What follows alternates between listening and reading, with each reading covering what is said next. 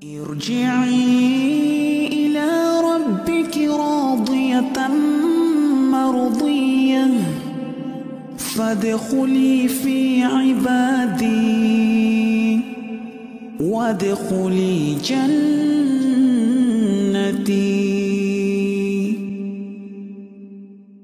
Uh, tanpa berpanjang lebar, kami persilakan Ustaz kita, Ustaz Dr. Muhammad Tulisan Umar untuk memulai kajian kita hari ini. Ustaz. نعم. طيب. بسم الله الرحمن الرحيم. السلام عليكم ورحمة الله وبركاته. الحمد لله رب العالمين والصلاة والسلام على أشرف الأنبياء والمرسلين نبينا محمد وعلى آله وصحبه أجمعين ومن تبعهم بإحسان إلى يوم الدين أما بعد. Kaum muslimin dan muslimat, muslimat Bapak Ibu sekalian yang semoga senantiasa dalam lindungan dan rahmat Allah Subhanahu wa taala. Alhamdulillah puji dan syukur. Senantiasa kita haturkan kehadiran Allah tabaraka wa taala hati yang penuh dengan pengagungan dan kecintaan kepada Allah.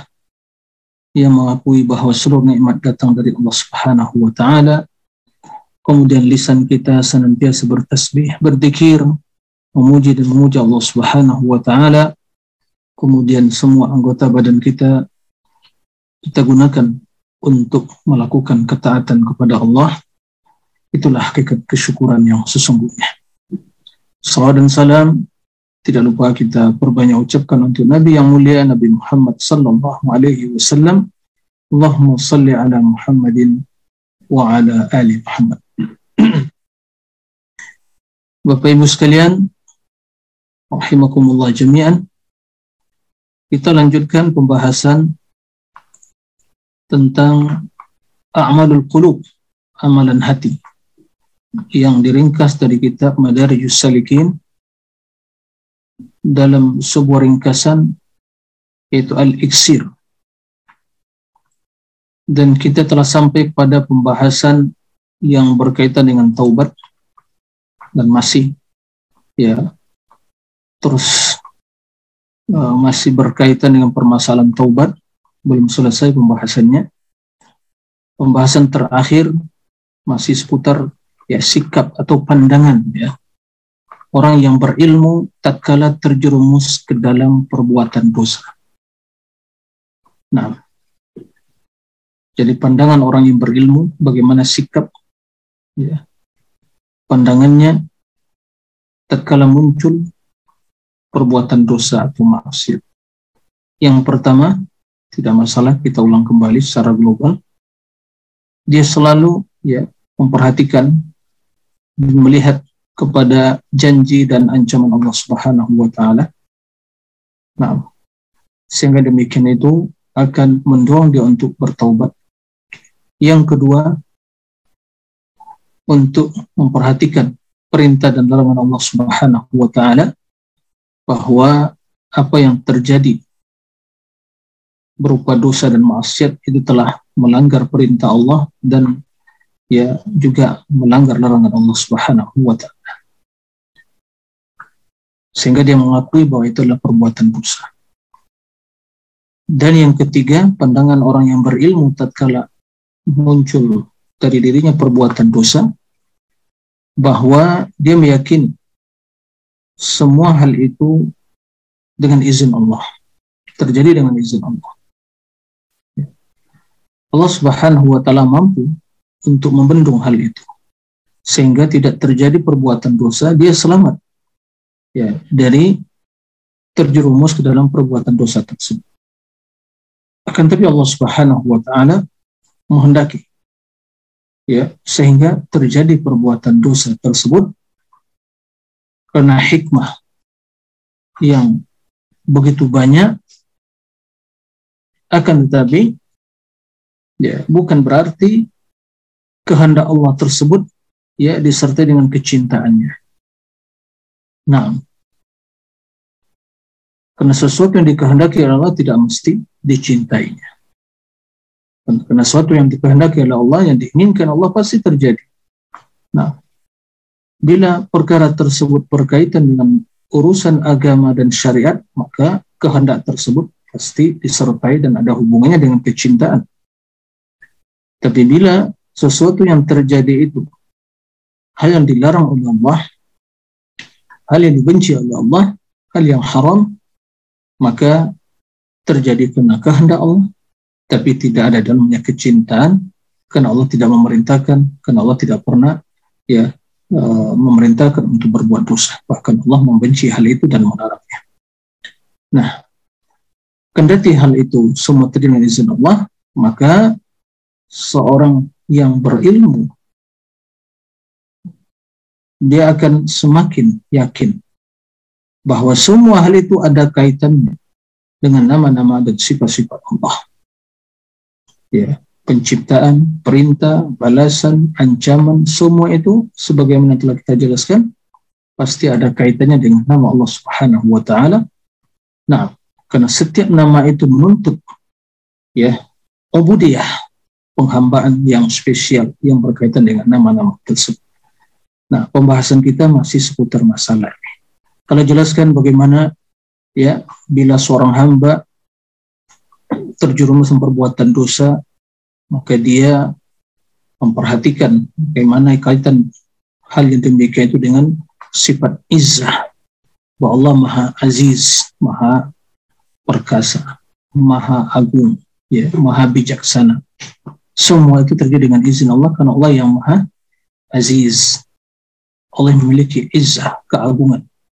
Nah, Kemudian ya hal yang demikian itu mencakup atau uh, nah berkaitan dengan keputusan Allah secara takdir. Nah, maka tatkala itu seorang hamba semakin yakin bahwa dia adalah hamba yang hina, hamba yang lemah, dan dia selalu berada dalam kekuasaan dan ya kerajaan Allah Subhanahu wa taala.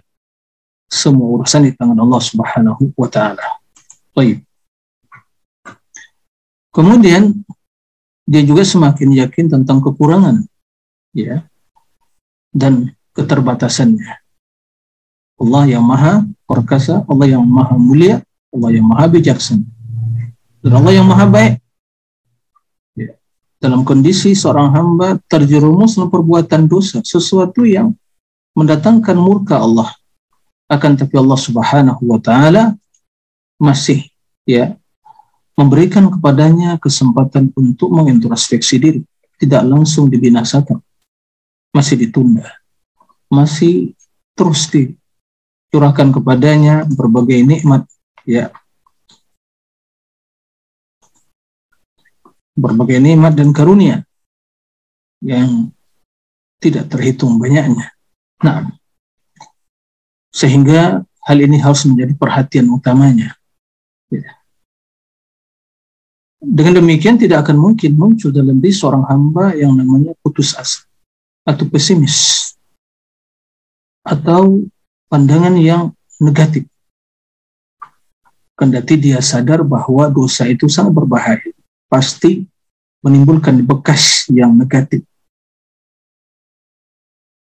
Akan tetapi seorang hamba dengan pengetahuan dan keyakinan yang seperti itu tidak membuatnya pesimis. Kan tapi dia selalu berharap kepada Allah Subhanahu wa taala. Ya, bagaimana dia juga ya mengetahui dan bersaksi tentang keampunan Allah Subhanahu wa taala, kemurahan Allah Subhanahu wa taala, kemudian dari pengetahuan yang demikian itu dia semakin mengetahui ya semakin sempurna tingkatan penghambaan ketundukan kepasrahan ya seorang hamba pada Allah Subhanahu wa taala sehingga dirinya akan bersih dari sifat kesombongan yang itu hanya sifat Allah Subhanahu wa taala.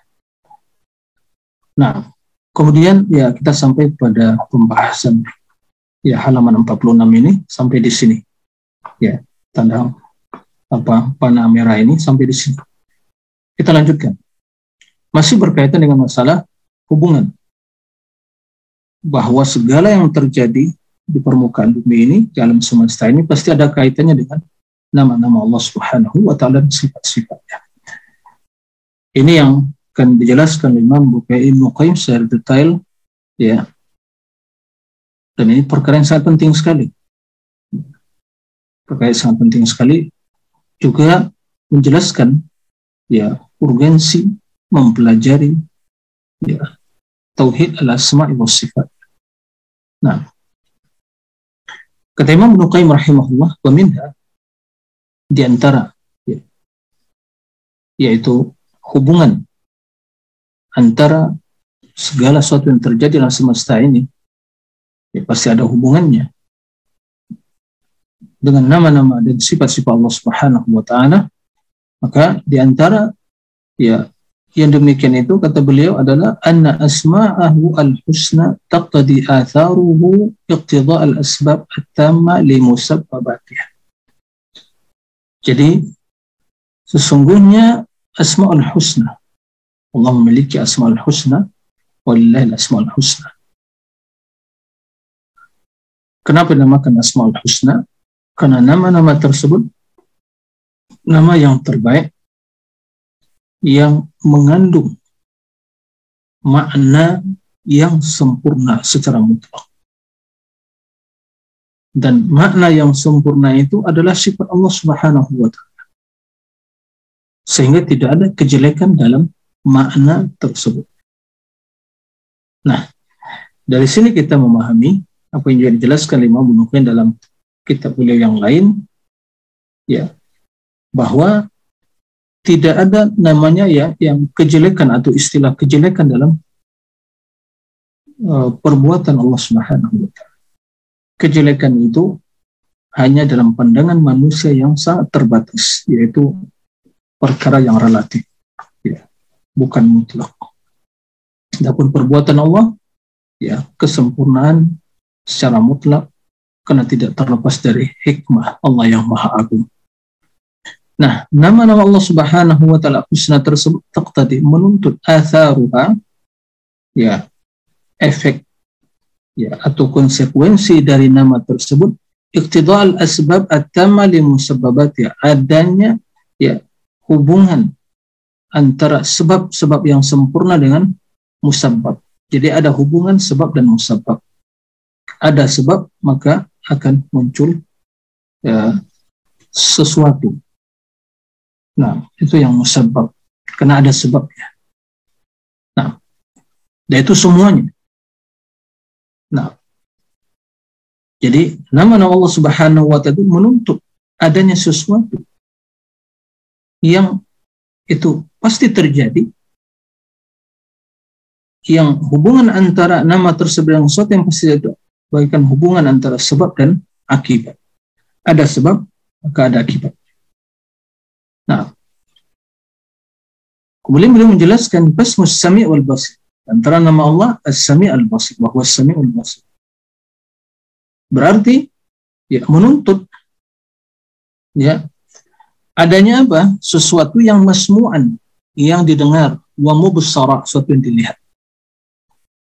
Ya. Jadi Allah memiliki nama Asma'ul Husna itu Sami al-Basir yang maha mendengar dan melihat, berarti ada sesuatu yang didengar dan ada sesuatu yang dilihat. Maka dari sini kita semakin yakin bahwa apa pun yang kita ucapkan, bahkan bisikan hati kita pasti didengar oleh Allah Subhanahu wa taala. Jangankan ucapan lisan, bisikan hati saja sebelum terbesit di hati Allah telah mengetahui apa yang akan terbesit dalam hati tersebut. Subhanallah. Ya, maka akan timbul kewaspadaan dalam diri kita. Begitu juga mubusara. Pasti ada yang dilihat oleh Allah, maka tidak ada yang tersembunyi dari pandangan Allah. Ya. Tidak ada yang tersembunyi dari pandangan Allah Subhanahu wa taala. Baik. Begitu juga Ismur Razak yang Maha ya memberi rezeki. Berarti ada yang diberi rezeki. Ada yang diberikan rezeki kepada marzukan. Ya. Maka begitu Allah menciptakan makhluknya, baik itu dari ya, manusia atau uh, hewan dan binatang yang lainnya, seluruh makhluk Allah, berarti masing-masing dari mereka telah ada rezekinya. Kenapa? Karena Allah yang rezak. Nah, maka Allah yang memberi rezeki. Maka ada makhluk Allah baik dengan manusia atau hewan dan binatang yang pasti akan diberikan rezekinya oleh Allah Subhanahu wa taala. Karena Allah rezak. Begitu juga Ismur Rahim. Nama Allah Ar-Rahim yang Maha Penyayang. Berarti ada yang disayangi. Nah, subhanallah. Ada yang sayangi dari hamba-hamba Allah Subhanahu wa taala. Nah, seandainya nama sekedar nama saja tidak mengandung makna atau tidak menuntut ada sesuatu yang uh, dirahmati maka berarti nama Ar-Rahim bukanlah nama yang disifati dengan Al-Husna berarti ada satu ada hamba atau makhluk yang dirahmati. Begitu juga Ismul Ghafur. Allah yang maha pengampun. Wal afu yang maha pemaaf. Wat tawwab yang maha menerima taubat. Wal halim yang maha penyantun.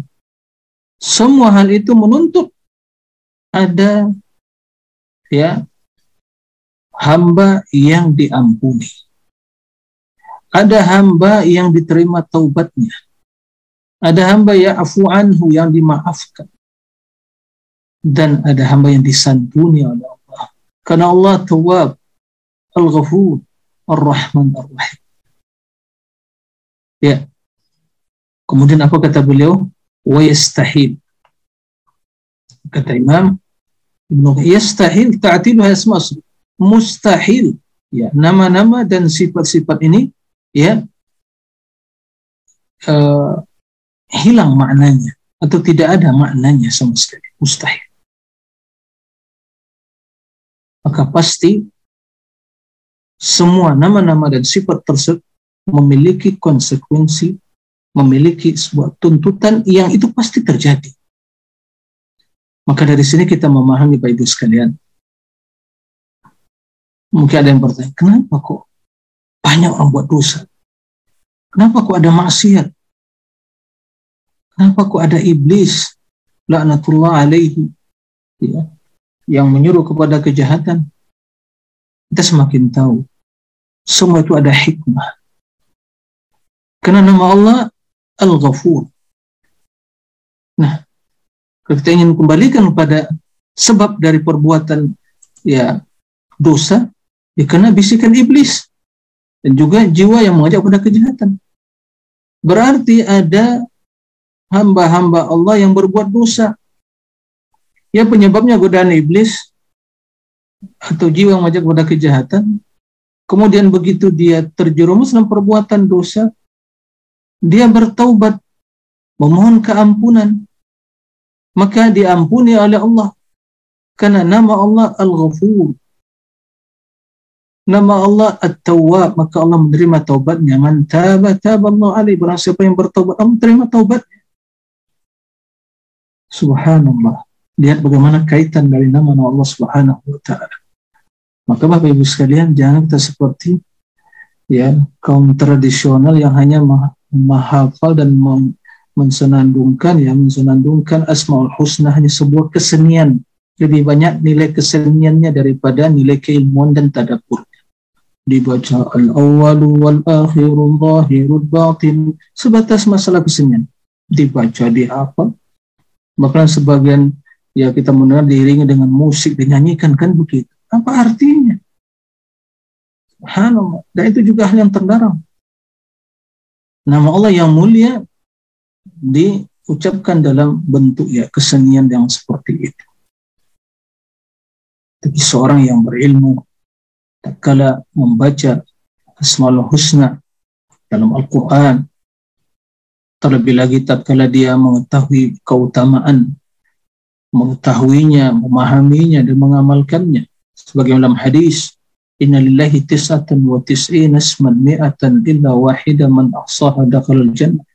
Allah memiliki 99 nama 100 kurang satu ya barang siapa yang mengetahui menghafalnya, mengetahuinya, memahaminya dan mengamalkannya dia akan masuk surga maka seorang hamba semakin sadar dan semakin mengetahui bahwa semua yang terjadi di alam semesta ini ada kaitannya dengan nama-nama Allah dan sifat-sifat yang sempurna.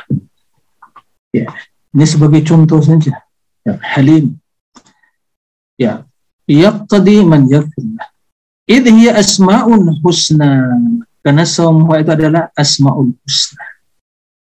Tadi kita jelaskan maksud asma'ul husna, yaitu yang mengandung atau uh, nama yang telah sampai pada tingkat tertinggi dalam kebaikan. Tidak ada lagi nama yang lebih indah, nama yang lebih mulia, lebih baik dari nama Allah. Ya. Begitu juga wasifatu kamal wa nu'utu jalal dan sifat-sifat Allah yang sempurna dan agung. Nah.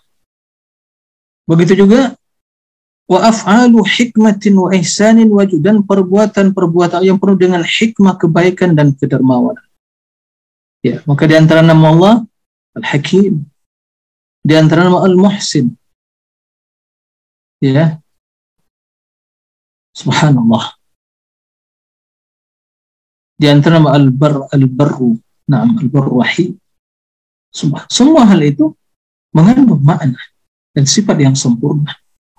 Maka oleh karena itu Bapak Ibu sekalian, dari penjelasan ini semakin tampak bagian ya uh, kerancuan doktrin akidah yang namanya tauhid sifat 20 dari membatasi sifat hanya 20 saja.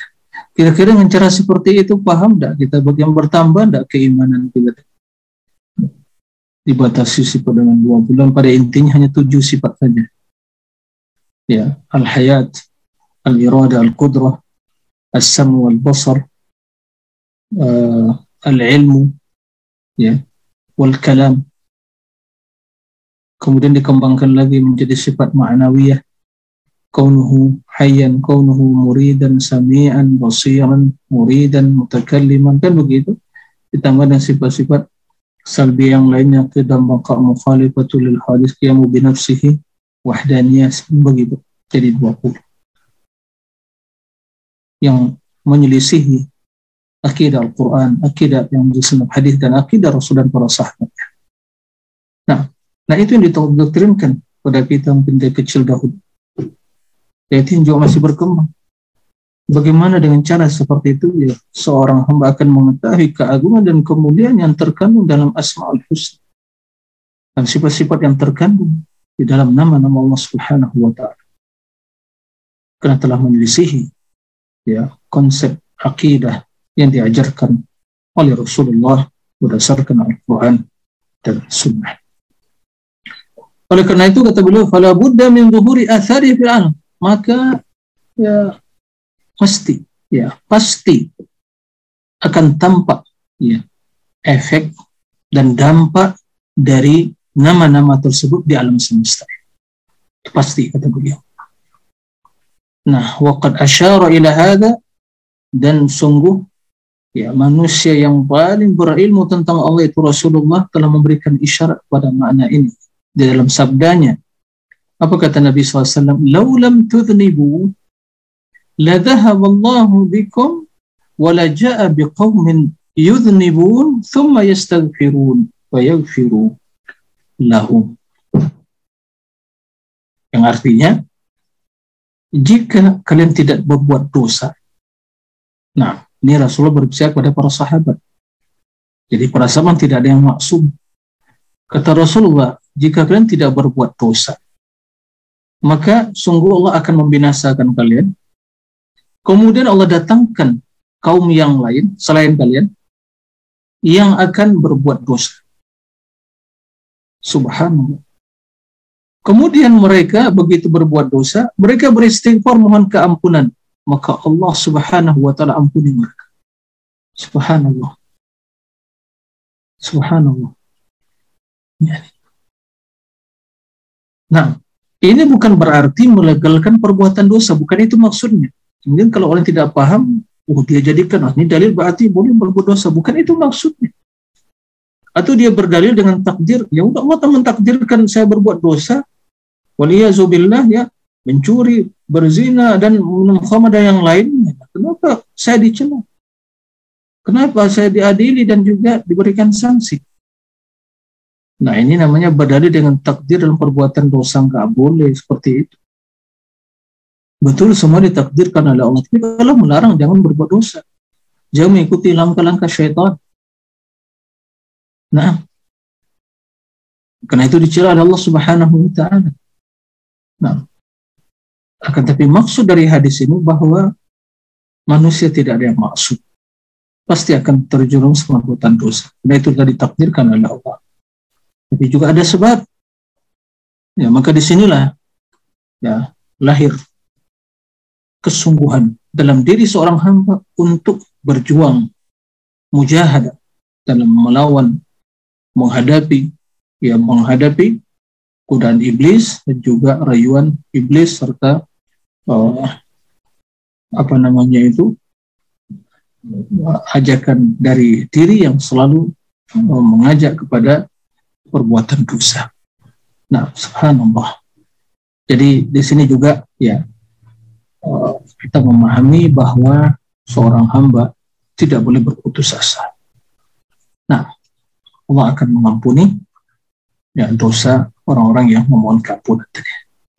Nah, di antara hal yang berkaitan dengan perbuatan atau berkaitan makna atau hikmah yang berkaitan dengan nama-nama dan sifat-sifat Allah tersebut Kata beliau ada di, di sini kata beliau wa minha asirul a'zam. Nah, ini di sini ada uh, rahasia yang begitu agung. Makna rahasia yang begitu mulia. Yang sulit ya diungkapkan dengan disampaikan, diutarakan dengan sebuah ungkapan dan juga dengan sebuah isyarat. Nah, wala yunada alaihi munadi liman ala dan tidak bisa ya seorang hanya dengan seruan suara menyampaikan di depan khalayak ramai atau manusia. Artinya rahasia yang dirasakan yang ada dalam diri seorang hamba yang dia sulit untuk mengutarakannya dengan sebuah ungkapan untayan kalimat atau isyarat ya. Akan tapi kata beliau bal syahidat qulubu khawasil akan tapi yang demikian itu dirasakan ya disaksikan dan dirasakan didapatkan oleh ya hamba-hamba yang memiliki hati dan jiwa yang spesial.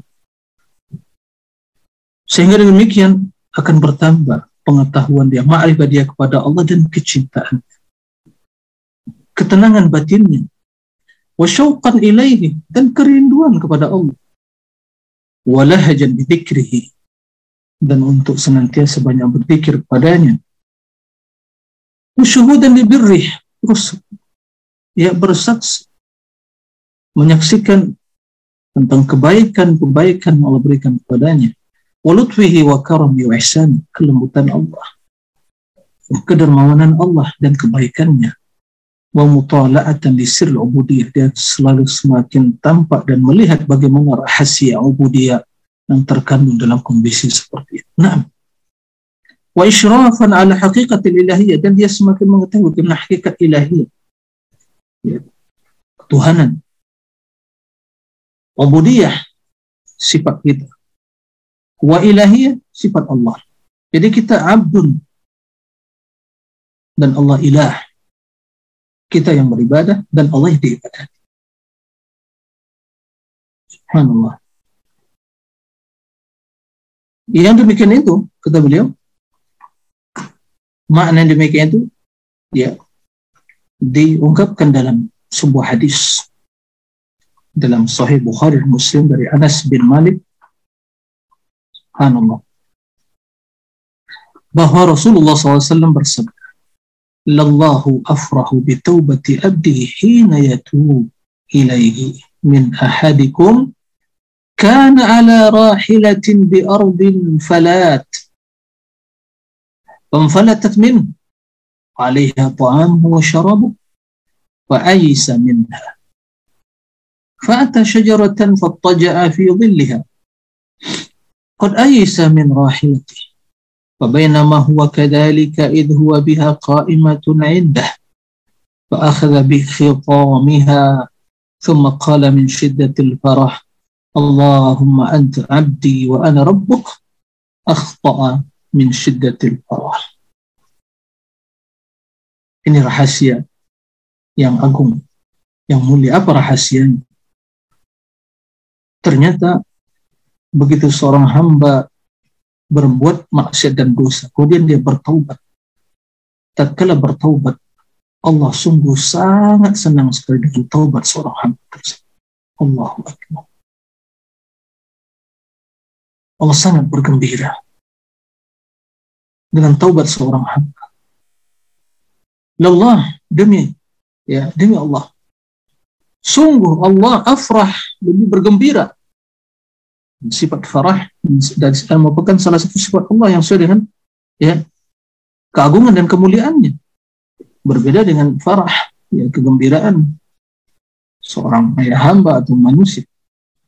Jadi sifat yang sesuai dengan keagungan dan kemuliaan. Sungguh Allah afrah lebih bergembira.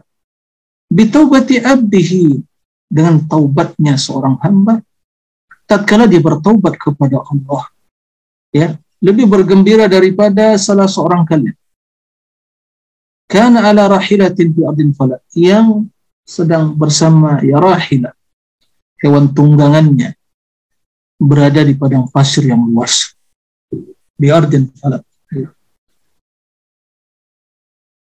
di padang Sahara yang terbuka. Famfalatat min.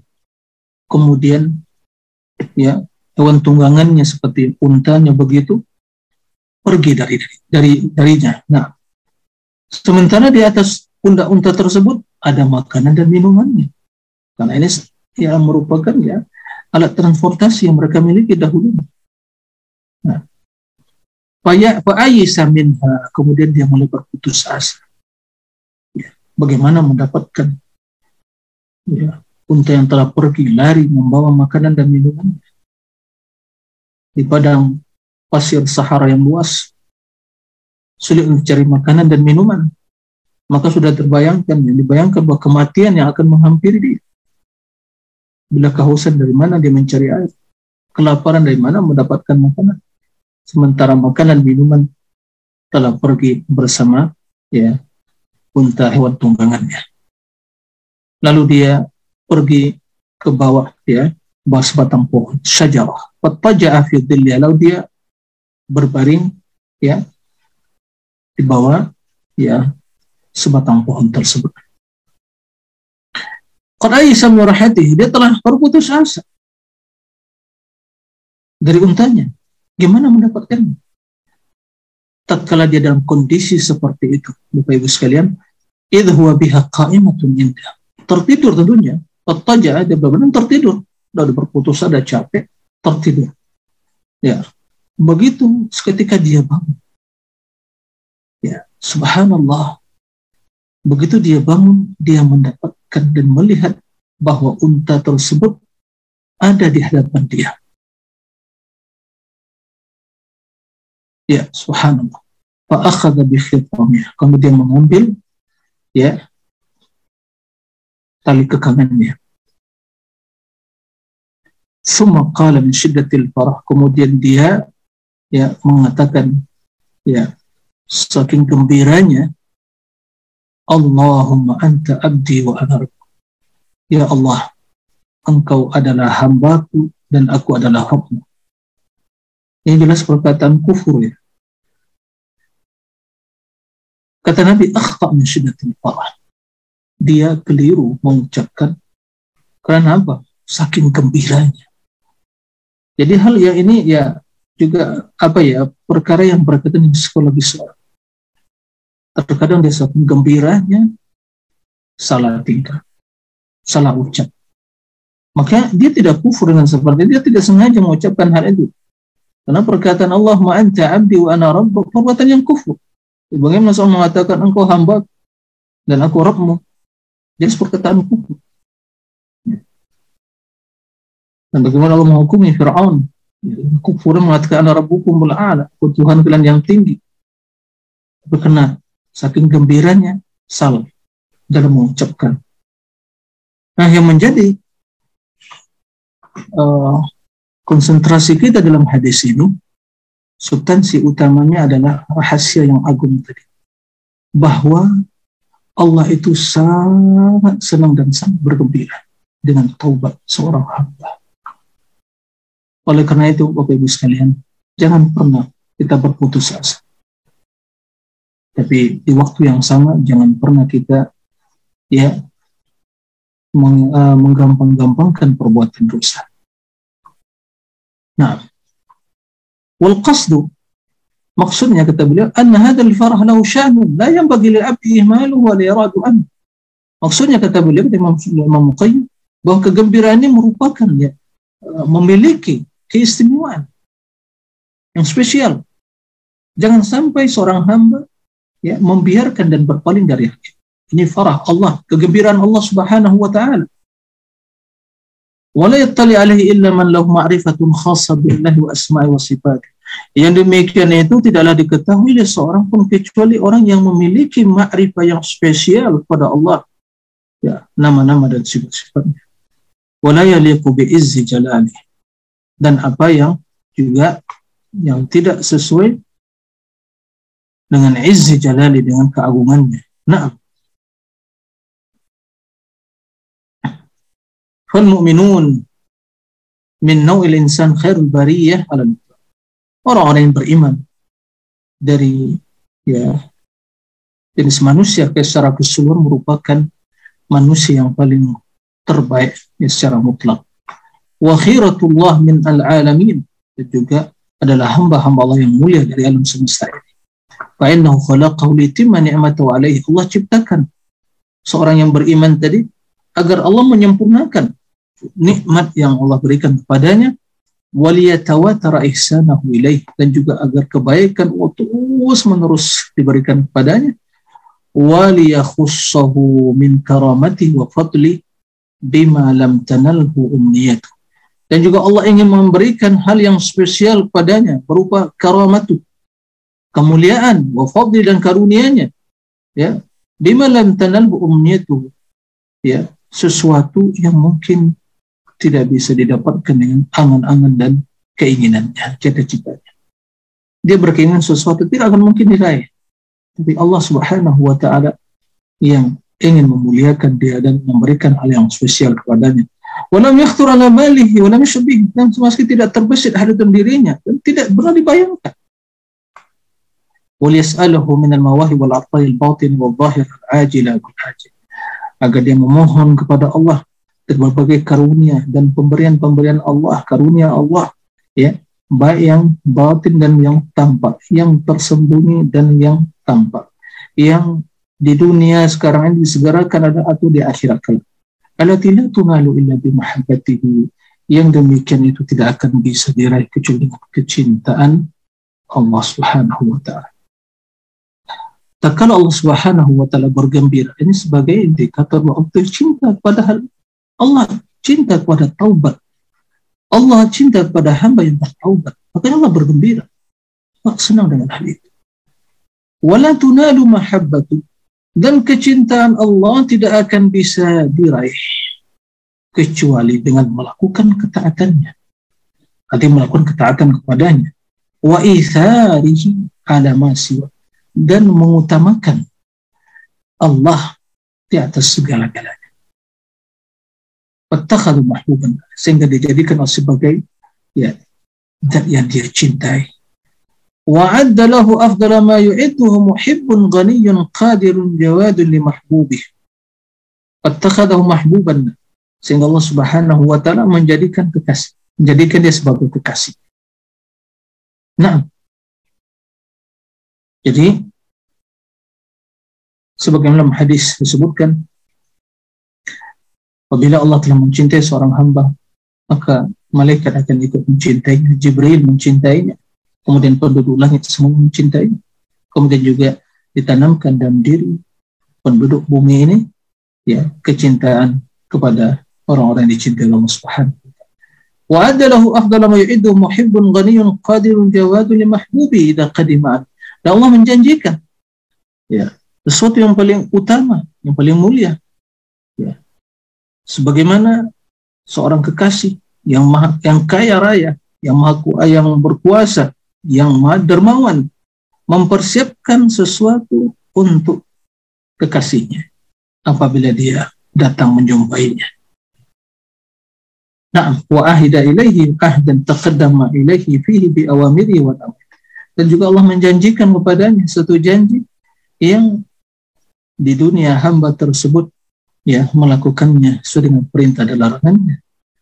Wa a'lamahu fi ahdihi ma yuqaribu ilaihi. Dan Allah mengabarkan, beritahu ya kepada hambanya apa yang terdapat dalam janji tersebut suatu yang akan mendekatkan dirinya kepada Allah dan menambah ya kecintaan Allah kepadanya.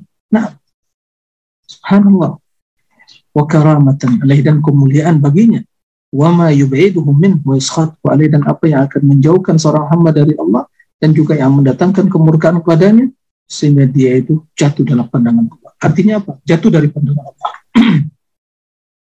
Ini karena Allah telah mencintai dia maka dibimbing oleh Allah. Sebagaimana hadis ya kursi tentang hadis wali ya bahwa Rasul SAW menjelaskan kalau Allah Azza wa Jalla Naam, man adali waliyan faqad adantuhu bil haqq wa ma taqarraba ilayya 'abdi bi ahabba ilayya mimma aftaradtuhu yazalu 'abdi yataqarrabu ilayya bin nawafil hatta uhibbah فإذا أحببته كنت سمعه الذي يسمع بي وبصره الذي يبصر بي ويده التي يبتش بها يبتش بها ورجله ورجله التي يمشي بها. ولئن سألني لأوتينه ولئن استعاذني لأوئذنه الحديث.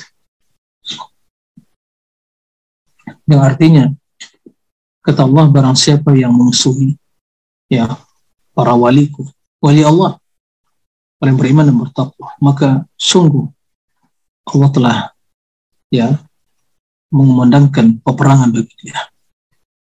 Nah, mengizinkan untuk diperangi. Tidak ada amalan yang dilakukan oleh seorang hamba yang lebih dicintai oleh Allah daripada melakukan kewajiban yang telah diperintahkan oleh Allah. Kemudian senantiasa seorang hamba melakukan amalan-amalan sunnah, nawafil. Setelah melakukan kewajiban tentunya, maka aku akan mencintai dia. Apabila dia telah menjadi kekasihku, maka aku akan bimbing pendengarannya, pendengaran yang mendengar, mata yang melihat, tangan yang memegang, kaki yang untuk melangkah. Apabila dia memohon kepadaku, niscaya akan aku kabulkan permohonannya, dan apabila dia memohon perlindungan, niscaya akan aku lindungi. Kenapa? Karena dia telah menjadi kekasih Allah maka dibimbing oleh Allah. Ya, nah. Walil mahbubi aduun huwa abghadu khalqi ilaih. Dan bagi sang kekasih ada musuh. Yang musuh tersebut adalah makhluk yang paling dibenci oleh Allah. Nah, yang paling dibenci oleh Allah itu iblis. Jadi kita memiliki musuh, aduun mubin, dan itu makhluk yang paling dibenci oleh Allah. Wa qad jaharahu bil adawah. Telah terang-terangan ya permusuhannya. Nah wa amara ibadahu yakuna dinuhu wa ta'atuhu lah. Iblis musuh tersebut memerintahkan hamba Allah agar agama mereka ketaatannya dan ibadah mereka lahu. Yaitu untuk apa? Untuk iblis. Duna waliyihim bukan untuk wali mereka yaitu Allah. Wa ma'budihimul haq. Dan ya uh, yang diibadati ma'bud mereka yang benar yaitu Allah. Ibadah dan dia mampu untuk mengambil ya sebagian dari hamba Allah. Min hizban dan menjadikan sebagian dari mereka itu sebagai apa? Hizban yaitu kelompok yang bergabung dengan iblis ya pasukan iblis. Baharuhu walau ala rabbihim wa kanu adaan lahu ma'a hadzal yang mereka terang-terangan ya, berkolaborasi untuk memusuhi Rob mereka. Sehingga mereka menjadi musuh. Lahu ma'ahadil adu nah, musuh bagi uh, bagi hamba tersebut ma'ahadil adu bersama dengan musuh tersebut.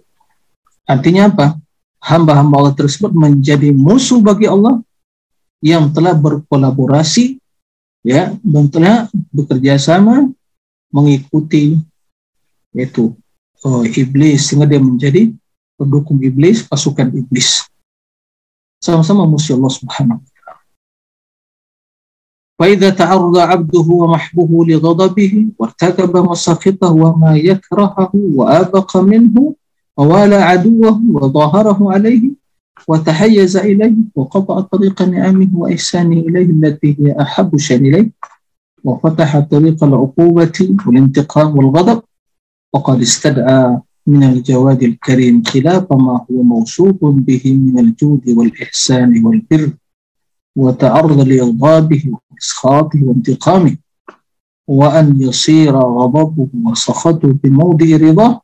وانتقامه وعقوبته وانتقامه وعقوبته بموضع كرمه وبره وإطاعه فاستدعى بمعصيته من أفعاله ما سواه أحب إليه منه وخلاف ما هو من لوازم ذاته من الجود والإحسان. طيب.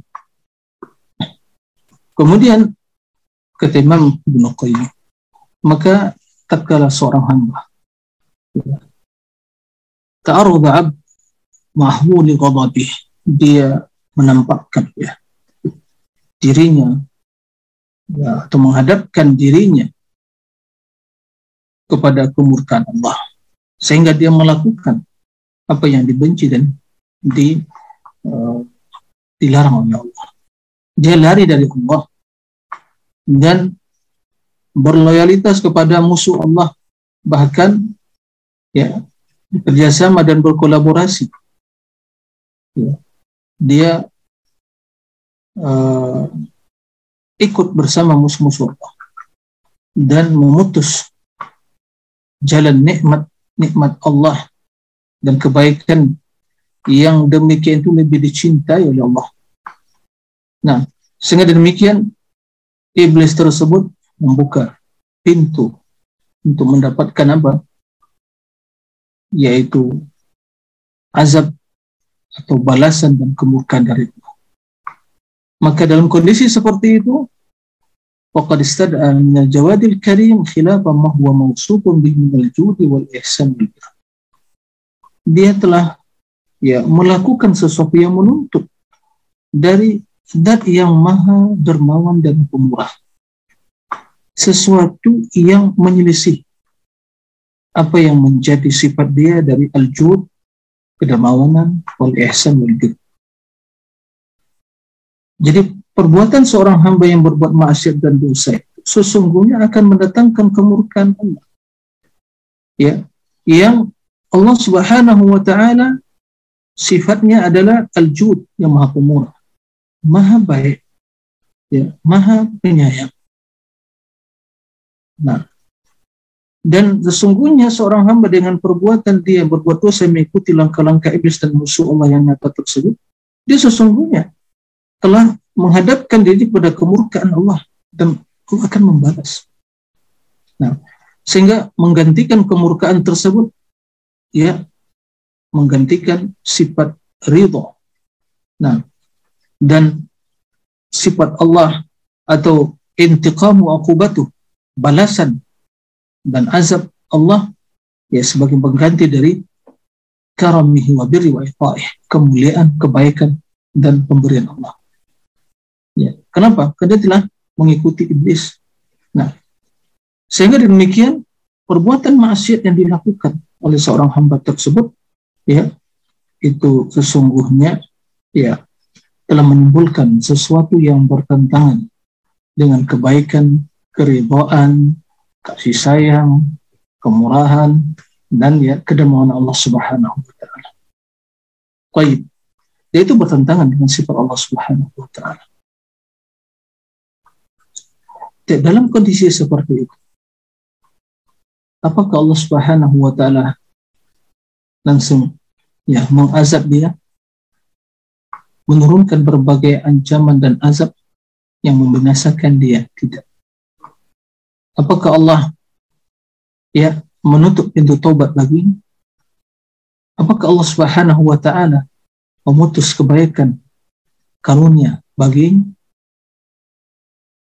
padahal Allah tidak butuh padanya dan begitu juga kemaksiatan yang dilakukan seorang hamba tidak akan mengurangi kekayaan, kebaikan, kemuliaan, keagungan, perkasaan Allah Subhanahu wa taala.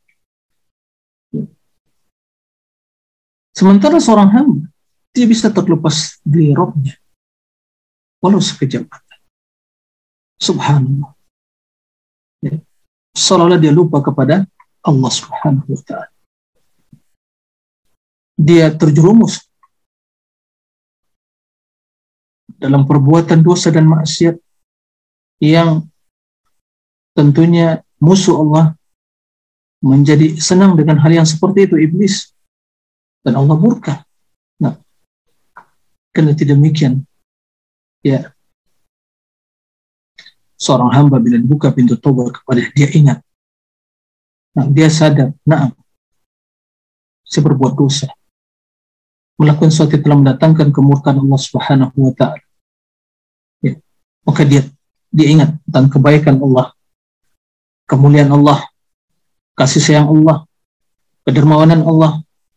Nah, dan yang demikian itu merupakan sesuatu yang tidak akan bisa ya uh, hilang dari diri Allah.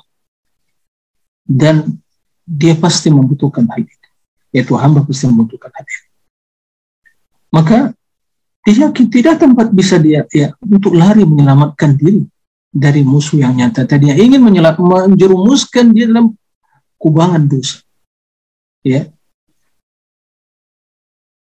Yang ingin menjerumuskan dalam ya neraka. Kemurkaan Allah. Tidak ada tempat dia berlari. Atau tempat dia lari untuk menyelamatkan diri. Kecuali hanya kembali kepada Allah. Dia telah berbuat dosa. Membuat Allah murka. Ya. Menimbulkan keamaran Allah Subhanahu wa taala padanya. Maka dia harus lari dari yang demikian itu. Lalu ke mana dia mau lari? Menyelamatkan diri. Kalau dia lari kepada iblis? Ya semakin menjadi ya bulan-bulanan bagi iblis. Itu yang dicari dan disenangi oleh iblis. Tapi itu yang mendatangkan kemurkaan Allah. Dia semakin celaka. Lalu ke mana dia akan lari? Maka hendaklah dia lari dari perbuatan dosa dan maksiat itu. Lari dari Allah kepada Allah. Lari dari berbuat maksiat dan dosa hanya kepada Allah untuk mendapatkan keampunan, mendapatkan taubat, kemaafan, kemuliaan, kedermawanan, kasih sayang, kemurahan Allah Subhanahu wa taala, kemaafan Allah Subhanahu wa taala. Ya di sini ya beliau memberikan suatu permisalan bagaimana seorang budak dengan tuannya. Budak di bawah kekuasaan tuannya. Ya. Milik tuannya, harta tuannya. Ya. Tatkala dia berbuat suatu hal yang terlarang yang bertentangan dengan instruksi dan perintah Tuhan, dia durhaka, tidak mentaati perintah. Sementara dia mengetahui dia tidak bisa terlepas dari Tuhan. Dia sangat membutuhkan tempat dia berlindung. Ya. Karena kalau dia lari meninggalkan tuannya dia akan celaka dan binasa. Nah, maka tidak ada tempat dia menyelamatkan diri. Dan kesadaran dia bahwa dia telah terjun perbuatan dosa dan maksiat, tapi dia sadar ke mana dia akan Begitulah perumpamaan seorang hamba. Dalam berbuat maksiat dan dosa, ya, dia sadar dan ini tentunya orang-orang yang memiliki pengetahuan basirah, dia akan memiliki pandangan seperti ini. Nah, ini kesimpulan dari apa yang di ya sampaikan oleh Al-Imam Ibnu Qayyim rahimahullah taala. Ya. Dari ungkapan yang cukup panjang juga yang menjelaskan ya, dengan ungkapan beliau yang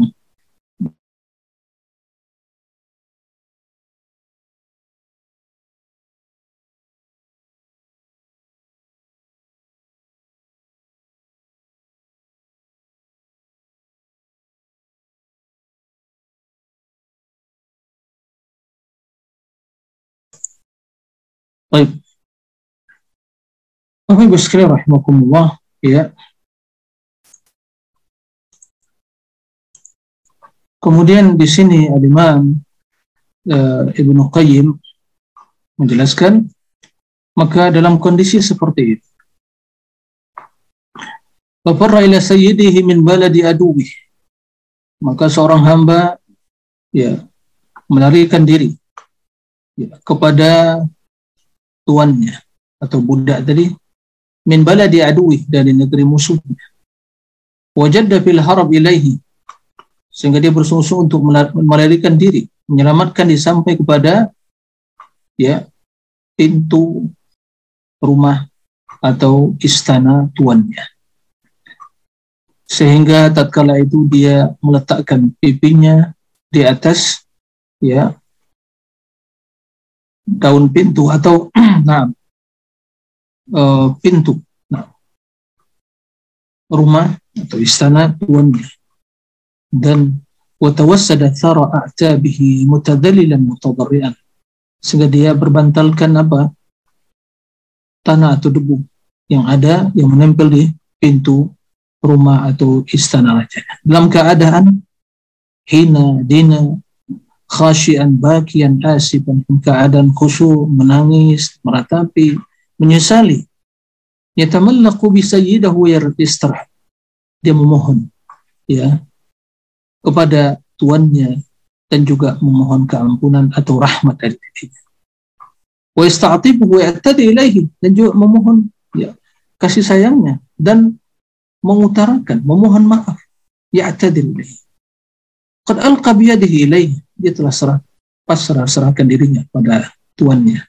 Wastaslama lahu wa atahu qiyadah. Dan telah berserah diri, pasrah. Nah, fa'alima sayyiduhu ma fi qalbihi dan seorang tuan tersebut yang punya budak itu mengetahui apa yang sungguhnya ada pada dirinya sehingga yang awalnya kemurkaan yang memenuhi jiwa seorang tuan tadi malah berubah menjadi ridho ridhoan baginya nah kemurkaan menjadi rahmat. Ya. Kemudian azab dan sanksi menjadi kemaafan. Kemudian ya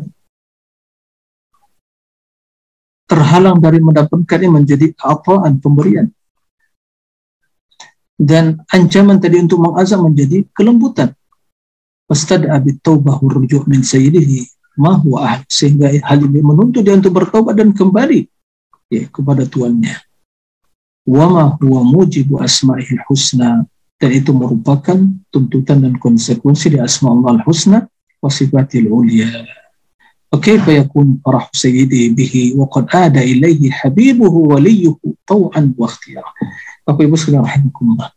Jadi beliau memberikan gambaran. Begitulah kondisi seorang hamba tak kala berbuat dosa.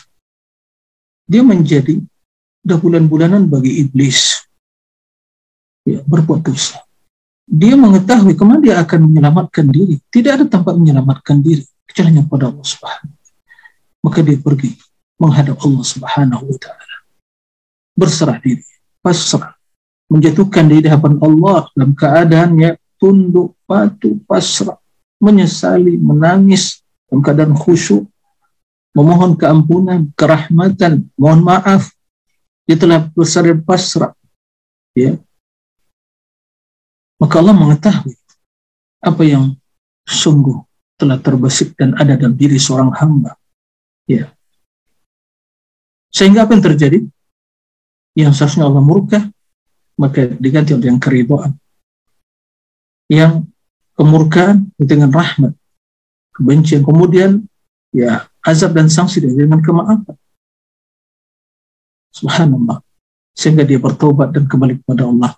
Nah, bagaimana tidak dalam kondisi seperti itu ya ya tidak akan terjadi apa namanya itu ya kegembiraan yang ada pada diri Allah Subhanahu wa taala disebabkan ya seorang hamba sang kekasih yang telah kembali kepadanya dan yang walinya dalam keadaan tunduk dengan semua pilihannya kembali kepada Allah Subhanahu wa taala dan eh, membuka untuk kebaikan dan juga kemurahan, kedermawanan yang semua hal itu lebih dicintai oleh Allah Subhanahu wa taala daripada jalan kebencian, kemurkaan atau uh, intiqam, pembalasan atau juga ukubah atau sanksi yang akan diberikan Allah Subhanahu. Artinya apa? Bapak Ibu kesimpulannya adalah Allah Subhanahu wa taala sangat bergembira dan senang bila seorang hamba kembali kepadanya. Yang tak kira dia jauh dari Allah, Allah akan murka, benci kepadanya. Tapi begitu dia kembali kepada Allah, kebencian tersebut akan menjadi yaitu kasih sayang. Kemurkaan tersebut akan menjadi kecintaan. Maka dibuka pintu taubat. Allah berikan karunia kepadanya, dicurahkan kepada berbagai kebaikan dan karunia. Yang semua itu tentu lebih cinta oleh Allah. Karena sesungguhnya rahmat Allah itu lebih mendominasi kemurkaannya. Ya. Allah ingin membalas tapi sesungguhnya kaki sayang Allah Subhanahu wa taala lebih mendominasi sanksi dan balasan tersebut. Nah, ini rahasia yang tidak akan mungkin dirasakan dan didapatkan oleh seorang kecuali bila dia mengetahui ya memiliki ma'rifah ilmu tentang asma Allah al-husna wa sifatnya dan semua itu merupakan ya kelaziman tuntutan dan konsekuensi dari asma Allah al-husna wa sifatihi al-ula. Nah demikian. Allah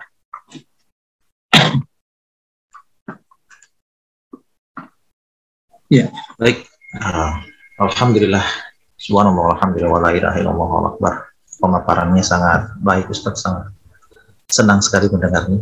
Ada beberapa pertanyaan Ustaz uh, di nah. kolom chat. Nah.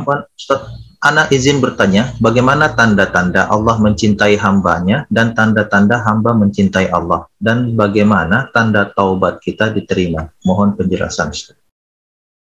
Baik, bagaimana tanda-tanda ya uh, Allah mencintai hamba dan bagaimana tanda-tanda ya taubat diterima oleh Allah Subhanahu wa taala.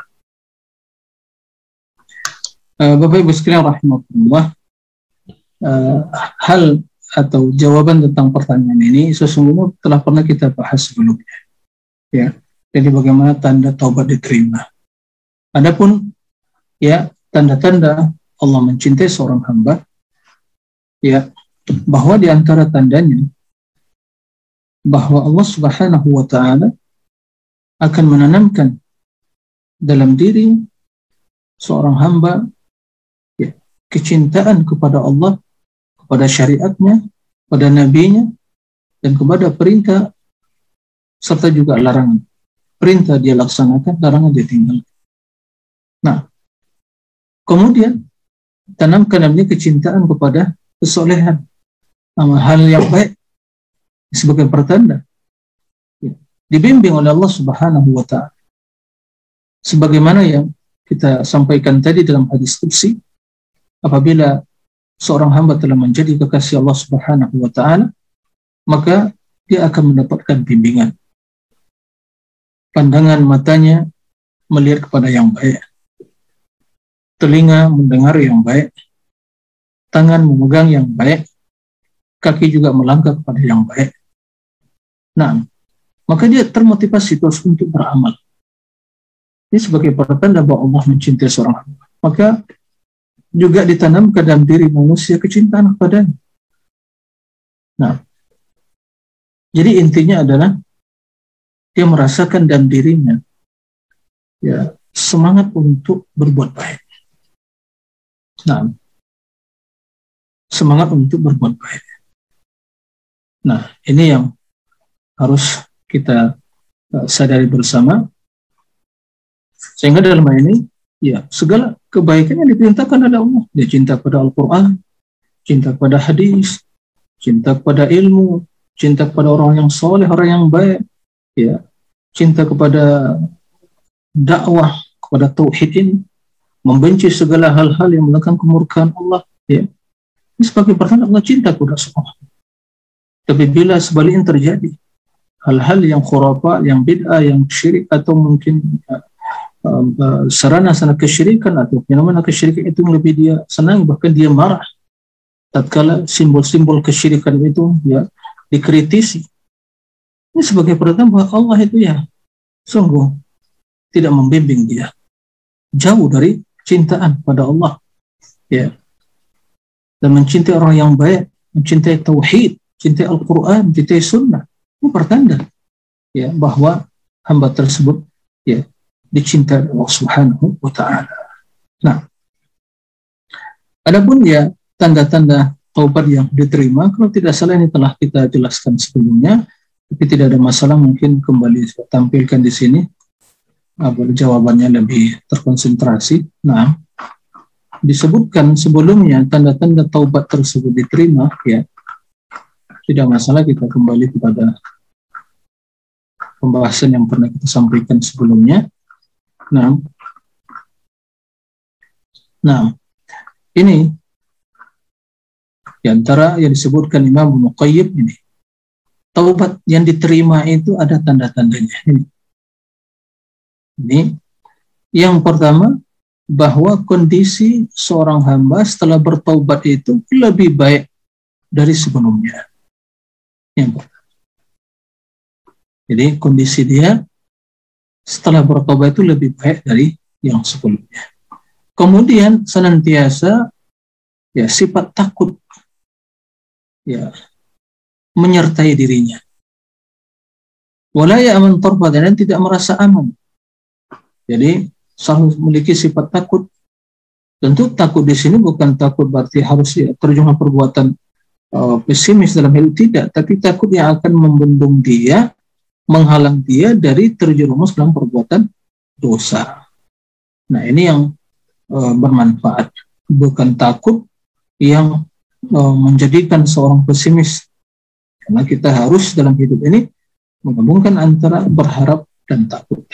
Jadi tidak merasa aman nah, dari murka Allah atau azab yang akan diturunkan oleh Allah. Kemudian selanjutnya inkhila'u qalbi. Jadi hati yang betul-betul merasakan penyesalan yang begitu dalam. Aku sehingga seolah hatinya itu sudah tercabik-cabik ya, sudah terpotong-potong. Saking apanya begitu dia penyesalan yang ada dalam dirinya. Kenapa dia sampai terjerumus dalam perbuatan dosa tersebut. Nah, terlebih lagi bila dia melihat ya uh, dosa yang dilakukannya semakin ya besar dosa tersebut maka semakin dia dia rasakan dalam dirinya itu seolah-olah hatinya itu hampir copot dari dirinya ya begitu penyesalan dan ini tidak akan mungkin lahir kecuali bila hal demikian itu ya atau dia merasakan penyesalan yang sangat besar terhadap perbuatan dosa tersebut. Nah, nah ini di antara. Kemudian juga akan semakin hati semakin tunduk hati dan semakin lunak ya. Sehingga demikian uh, terekspresikan dalam bentuk ya dia sering menangis gitu ya. Bukan tangisnya mata buaya tidak ya. Air mata buaya tidak tapi bu bukan berbuat badan berpura-pura tapi begitulah. Karena hatinya telah menangis. Menyesali perbuatan dosa dan maksiat tadi. Sehingga terekspresikan dalam bentuk ya menetesnya air mata. Ini yang terakhir disebutkan Imam Qayyim tanda-tanda tobat yang diterima tadi. Allah Nah. Baik, uh, ada satu pertanyaan lagi. Uh, ada nah. banyak sih sebenarnya. ya ini uh, semoga Ustadz dan kita semua dapat mohon izin uh, bertanya mengenai seorang yang dicintai Allah ketika seorang di bumi ini ada yang membenci. Misal ketika seorang belajar hijrah mengenal sunnah, namun lingkungan sekitarnya malah membencinya. Apakah ini berarti tidak dicintai Allah karena penduduk bumi tidak mencintai, malah membenci, atau ini adalah sebuah ujian sesuai dengan firman-Nya orang yang menyatakan beriman tidak akan dibiarkan begitu saja tanpa ada ujian. Mohon penjelasan Ustaz. Nah, terima kasih. Ya, Di dalam Al-Quran Allah Subhanahu wa Ta'ala menjelaskan Innal ladzina amanu wa amilus salihat sayaj'alu lahum rahman wuddah. Orang-orang yang beriman dan beramal soleh, ya, maka Allah Subhanahu wa Ta'ala sayaj'alu lahum rahman wuddah akan Allah berikan kepadanya wuddah kasih sayang.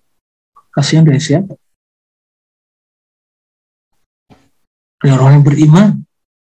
Adapun pelaku maksiat dan dosa pasti akan membenci orang-orang yang berbuat kebaikan. Dia menginginkan orang yang berbuat kebaikan itu ya mengikuti dia sehingga berbuat dosa.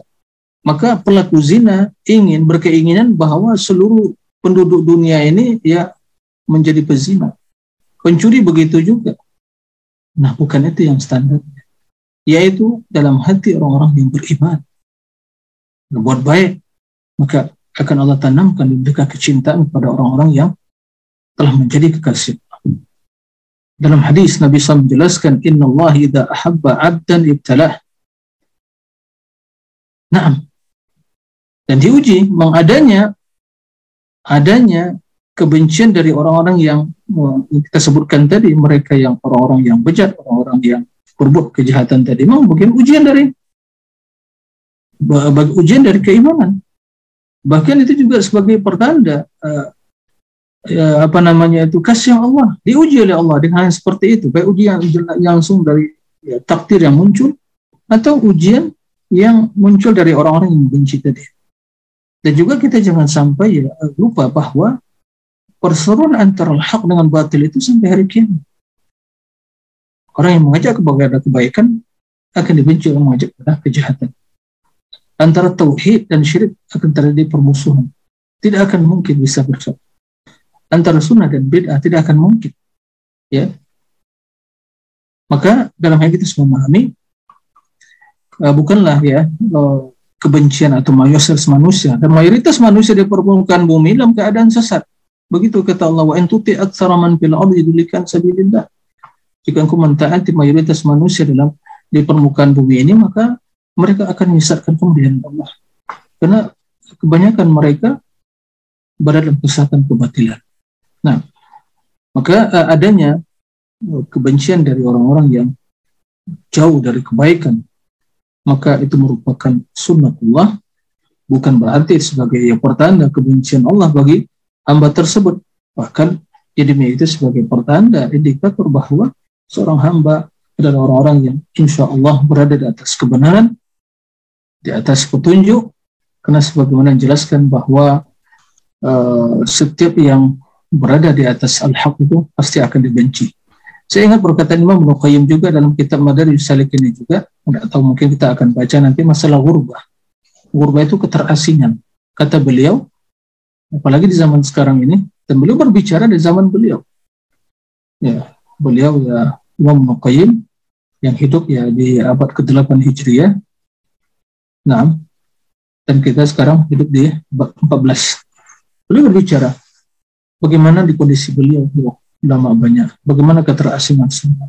Maka orang-orang yang berjalan di atas sunnah, berpegang teguh dengan sunnah, berpegang teguh dengan uh, tauhid, ya, ya mengikuti loyal, memiliki loyalitas yang tulus kepada Rasulullah, maka dia harus mempersiapkan diri, siap untuk dicela, dicaci maki, ya di di apa namanya itu disematkan kepada diri berbagai gelar-gelar yang negatif dan tuduhan-tuduhan yang negatif.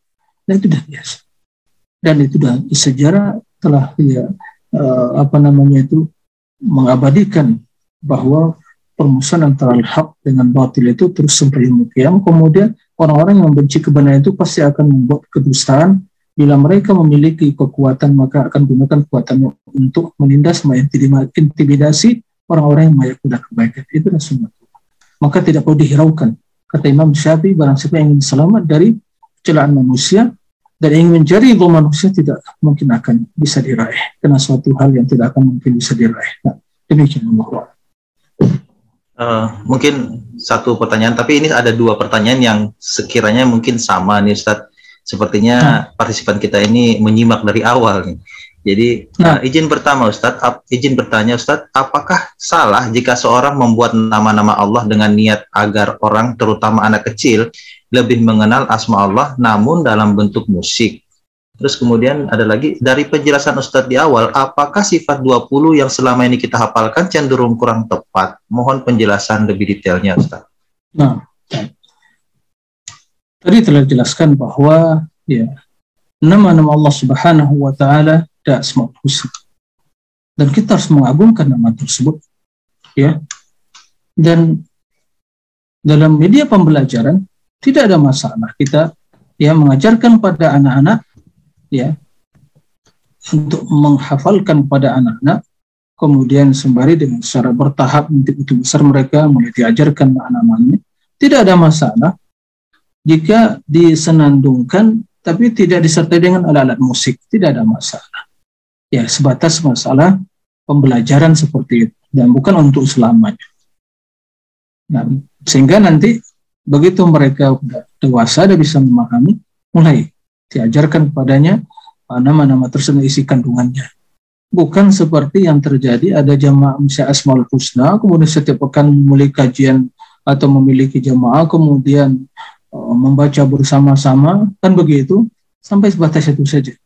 Nah ini tidak benar seperti itu. Asmaul Husna bukan untuk hal seperti itu. Dia untuk dibaca dan uh, dijadikan sebagai apa? Uh, tawassul kita dalam beribadah kepada Allah, apalagi dalam berdoa, ya. Karena Allah mengatakan walil asmaul husna pad'uhu biha. Lihat pad'uhu biha. Allah memiliki asmaul husna. Pad'uhu biha. Maka berdoalah kepada Allah biha. Dengan apa? Nama-nama tersebut. Apa maksudnya? Ya, bertawassul. Ini tawassul yang benar. Maka seperti yang kita uh, disebut Imam begitu kita uh, terjun perbuatan dosa dan maksiat, kita memohon kepada Allah keampunan. Lalu bagaimana kita bertawassul dengan asmaul husna tersebut? Maka pujilah Allah dengan menyebut nama-namanya At-Tawwab, Ya Rahman, Ya Rahim, Ya Tawwab, Ya Ghafur, Ighfirli, Warhamni. Sebagai juga dalam Sayyidul Istighfar, Allahumma anta Rabbi, La ilaha illa ant, khalaqtani wa ana abduk, wa ana ala ahdika wa ahdika mustata' أبوء لك بن... أبوء لك بنعمتك يا أبوء بذنبي فاغفر لي فإنه لا يغفر الذنوب إلا أنت. Lihat bagaimana kita memuji Allah. Tiada yang ya mengampuni dosa kecuali Allah. Ini tawassul kita. Ini bagian dari beribadah dengan asma husna tadi. Nah, jadi hal-hal sebatas masa itu tidak ada masalah, tapi disenandungkan, disertai dengan musik-musik ya itu tidak dibenarkan. Nah, tapi inilah batas pembelajaran, bukan untuk selamanya. Nah, Adapun masalah sifat 20 tadi, iya. Uh, akidah ahli sunnah sebagai yang kita jelaskan, mengimani semua nama-nama dan sifat yang tertera dalam Al-Quran. Tidak dibatasi. Ya, baik sifat yang berkaitan dengan zatiyah yang ada pada diri Allah atau sifat fi'liyah perbuatan Allah ya atau sifat yang disebut makna yaitu sifat semua sifat Allah al-khabariyah dan aqliyah dan yang ditetapkan secara khabar itu Al-Quran dan hadis bahkan juga secara akal yang sehat juga ya bisa ditetapkan. Tapi landasannya tentu dalil seperti ketinggian ya dan semua itu kita imani tanpa dibatasi nah adapun doktrin konsep sifat 20 itu memang uh, sampai zaman Imam Abdul Hasan Asyari sendiri yang mereka menisbatkan itu tidak memberikan penjelasan konsep yang seperti itu. Di kalangan mutaqaddimin zaman Imam Abu Hasan Asy'ari itu lebih tepat lagi ya Al-Kullabiyah. Karena Imam Abu Hasan Asy'ari telah bertaubat kembali kepada akidah salafus saleh dalam kitab Ibanah Usuluddin. Nah, dia berguru kepada Ibnu Kullab. Ibnu Kullab ini menetapkan tujuh sifat dan menafikan, mentakwil sifat-sifat zati yang lain. Tujuh sifat tersebut yaitu al-hayy, al-hayatu, al-iradah, al-qudrah, al-sam'u, al-basar, al-ilmu, al-kalam. Tujuh. Ya, itu. Nah, tujuh itu. Itu namanya sifat yang tujuh. Itu yang mutaqaddim. Ada kalangan mutaakhir ini dikembangkan lagi. Ada yang mengatakan 13, ada yang mengatakan 20. Ya, itu bukan sesuatu yang telah disepakati.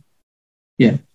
Tapi eh, dalam kitab sumber-sumber mereka seperti uh, Jauharatul Tauhid itu ya kemudian dan syarah-syarahnya Al-Baijuri dan yang As-Sanusi dan itu ulama-ulama mutaakhirin Asy'ariyah di situ muncul istilah pembagian sifat ada dibagi sifat itu pada sifat nafsiyah itu wahdaniyah kata mereka ada sifat yang nama salbiyah itu yang tadi lima tadi. Kidam baqa mukhalifatul hal qiyam bi nafsi. Kemudian wujud kidam baqa mukhalifatul nam kemudian seperti tadi. Lima. Kemudian ada sifat yang tujuh tadi. Nah dari sifat yang tujuh tadi itu sifat makna kata mereka. Mengandung makna dari sifat. Dari sifat tujuh tadi kembangkan lagi menjadi sifat maknawiyah. Jadi cara Allah memiliki sifat tadi sesungguhnya. Tapi ini kata para ulama juga ya tidak masuk akal. Karena namakan sifat al-ma'nawiyah. Artinya kondisi menunjukkan pada suatu kondisi di mana kondisi tersebut yang uh, menunjukkan kepada suatu yang tidak ada dan tidak tidak ada. La mewujud wala la ma'dum gitu. Ma'dum itu tidak ada. Kalau mewujud ada. Nah dalam kita mengetahui dalam, dalam sebuah ya uh, apa namanya itu dalam sebuah logika mengatakan ya ada yang ada berarti lawannya tidak ada. Nah, tapi menurut mereka hal suatu hal itu ada uh, laisa mewujud atau tidak ada walaisa ma'dum dan juga tidak tidak ada. Berarti kan sesuatu yang tidak ada gitu ya. Enggak ada di dunia ini ya. Tidak ada, kemudian tidak tidak ada. Yang ada ya, kalau tidak ada berarti ada. Kalau tidak ada berarti ada kan begitu. Nah itu sifat maknawi ya. Apa itu ya? Yang tujuh tadi dikembangkan. Apa itu? Kaunuhu hayyan. Kaunuhu muridan. Qadiran. Sami'an. Basiran. Mutakalliman aliman. Jadi kalau kita lihat, saya ingin bertanya, apa perbedaannya? Yang tadi tujuh sama juga, sekarang tujuh juga. Apa bedanya? Tidak ada sesuatu yang baru berarti. Nah, kemudian bagaimana sifat-sifat yang lain? Tadi sifat rahmat, ihsan, albir, al-ghadab. Bagaimana sifat yang lain? Tinggi, istiwa. Bagaimana sifat yang lain? Berkaitan dengan zat Allah. Ya, tangan, ya, kemudian mata, kemudian juga wajah, kemudian Allah memiliki asabi, jari jemari, kan begitu. Dan sifat-sifat Allah yang lain yang diyakini oleh sunnah. Maka ini pertama secara keilmian juga Imam Abdul Al-Ashari yang mereka menisbatkan kata mereka berasal juga tidak mengajarkan prinsip konsisten seperti itu. Jadi pengembangan itu muncul di kalangan mutaakhirin. Mana dalil Al-Quran membatasi 20? Mana dari hadis? Mana dari perkataan para sahabat? Mana ijma? Enggak ada. Jadi rekayasa yang disayangkan itu yang dinisbatkan pada ahli sunnah. Itu bukan akidah ahli sunnah itu akidah kaum asyairah. Nah itu yang kita belajar dulu. Pernah juga yang berbicara juga ya seperti itu juga kecilnya didoktrinkan seperti itu ya kita hafal juga. Tapi sekarang udah hampir lupa saja ya. Yeah, yeah. nggak lama diulang-ulang kaji seperti itu ya. Jadi emang nggak perlu diulang-ulang karena juga tidak ada dalilnya. Nah, tapi kalau berbicara tentang asma wa sifat seperti yang disampaikan kita belajar ghafur apa artinya? Rahim begitu ya. Subhanallah hadis itu terasa hidup. Nggak gersap terasa hidup. Kedekatan kepada Allah kita paham tentang kekuasaan keagungan kemuliaan kesempurnaan. Allah subhanahu wa ta'ala. Nah ini pembahasan tentunya luas karena pembahasan kita tentang amalul qulub bukan tentang tauhid asma wa sifat. Allahu a'lam. Nah. baik. Uh, mungkin karena sudah waktunya ini Ustaz. Uh, nah. satu pertanyaan lagi nih Ustaz. Uh, mungkin uh, dia bertanya seperti ini. uh, dalam belajar tauhid, apakah uh, untuk urutan mempelajari tauhid, buku apa yang harus didahulukan? Nah, mempelajari tauhid, sesungguhnya tauhid itu sudah ada penjelasan dalam Al-Quran dan hadis. Ya. Maka dalam hal ini, karena pertama yang menjadi kewajiban kita, ya, adalah mengenal Allah, yaitu mentauhidkan Allah, maka dalam hal ini tentunya ya konsentrasi utama adalah bagaimana kita bisa mengikhlaskan budi kita kepada Allah Subhanahu wa taala. Eh, para ulama telah banyak menulis ya kitab-kitab tentang pembahasan masalah tauhid. Ya, jika yang dimaksud tauhid di sini tauhid isan uluhiyah tadi.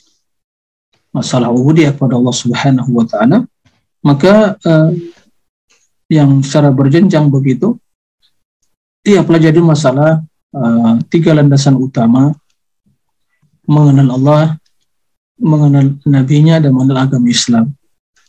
Kemudian ya uh, setelah itu ada empat landasan dalam memahami tauhid, ya empat kaidah dalam memahami tauhid. Kemudian beranjak pada kitab tauhid, kitab tauhid dan ketiga kitab tersebut karya ya Syekh Muhammad bin Abdul Wahab yang dituduh oleh mereka sebagai Wahabi tadi. Ya, kita jujur saja, banyak dari kalangan mereka tidak memahami siapa Syekh Muhammad Abdul Wahab. Korban ya uh, apa namanya itu propaganda. Nah, saya ingin bertanya kepada kita, ya, kita ini harus ingin lebih ya selektif dan juga uh, apa namanya kita insya Allah semua orang-orang berpendidikan semua. Kan begitu masya Allah apa yang profesor dan macam-macam kan begitu. Orang tua saya dah, betul pengalaman hidup dan juga dan dunia keilmuan luar biasa. Ya kita jujur saja. Kok kita mau dibodoh-bodohi? Sebagian kan begitu. Seharusnya orang-orang yang mengatakan mereka para ilmuwan gitu ya udah dunia di kampus dan seterusnya harus ya objektif. Baca kitab-kitab orang-orang dituduh sebagai yang kata mereka ya wahabi yang macam-macam lah kan begitu ya baca kerja tulisnya ada dari situ baru kita menyimpulkan tapi tidak dibaca kemudian hanya menerima mendengar ya provokasi para provokator yang menebarkan kebatilan seperti itu ini yang sangat disayangkan maka itu dibaca. Kita bertauhid membahas tentang qala Allah wa Rasul, bab tentang keutamaan tauhid, bagaimana bab tentang masalah keutamaan la ilaha illallah itu dibaca. Nah, uh, itu insya Allah secara bertahap, tapi tentunya perlu belajar tersebut pada guru yang mumpuni dalam uh, bidangnya. Nah, demikian. Allahu a'lam.